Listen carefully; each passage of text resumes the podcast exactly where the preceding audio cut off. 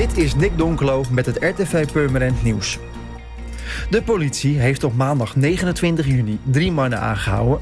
die ervan worden verdacht betrokken te zijn geweest bij het schietincident op het Gouw op zondag 14 juni. Daarbij raakte een 24-jarige Purmerender ernstig gewond. Het gaat om een 19-jarige Purmerender, een 22-jarige man uit Westgrafdijk... en een 23-jarige man zonder woon- of verblijfplaats. Het is nog niet duidelijk wat precies hun betrokkenheid bij de schietpartij is en de recherche gaat verder met het onderzoek. Deze week verrast de Voedselbank Purmerend de kinderen die zij bedienen. Dankzij een samenwerking tussen de gezamenlijke kerken en de ethos is een vakantiepakket samengesteld, zodat de kinderen ondanks de coronacrisis toch nog een leuke tijd kunnen beleven. In het rugtasje wat de kinderen krijgen zitten onder andere een badhanddoek, sport- en spelartikelen en toiletartikelen. De Voedselbank Purmerend is erg blij met de gift van deze twee partijen en hoopt dat alle kinderen hierdoor kunnen genieten van een welverdiende vakantie in deze rare tijden. De vakantiepakketten worden uitgedeeld tijdens de reguliere uitdeelmomenten op de vrijdagmiddag. Op dinsdagmiddag is er opnieuw een drugspand voor drie maanden gesloten. Ditmaal aan de Purmerdijk.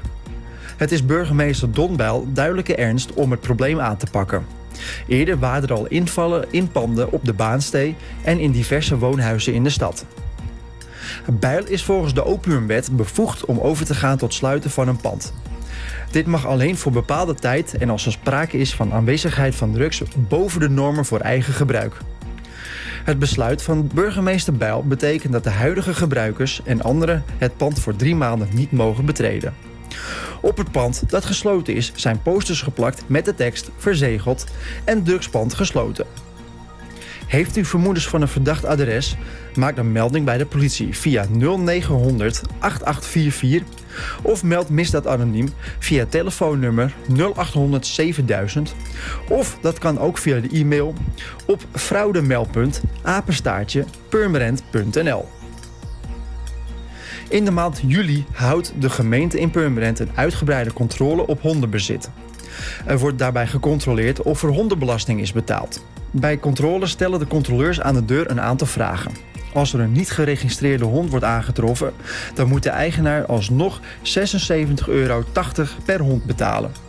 Treffen de controleurs op dat moment van de controle niemand aan, terwijl er wel een vermoeden is van een hondenbezit op dat adres, dan gooien ze een aangifteformulier door de bus. De opbrengsten van de hondenbelasting wordt door de gemeente gebruikt voor hondenvoorzieningen zoals de losloopgebieden, aanleggen van de uitlaatroutes en het schoonhouden van velden en wegen. Voor meer nieuws, kijk of luister je natuurlijk naar RTV Purmerend, volg je onze socials of ga je naar rtvpurmerend.nl.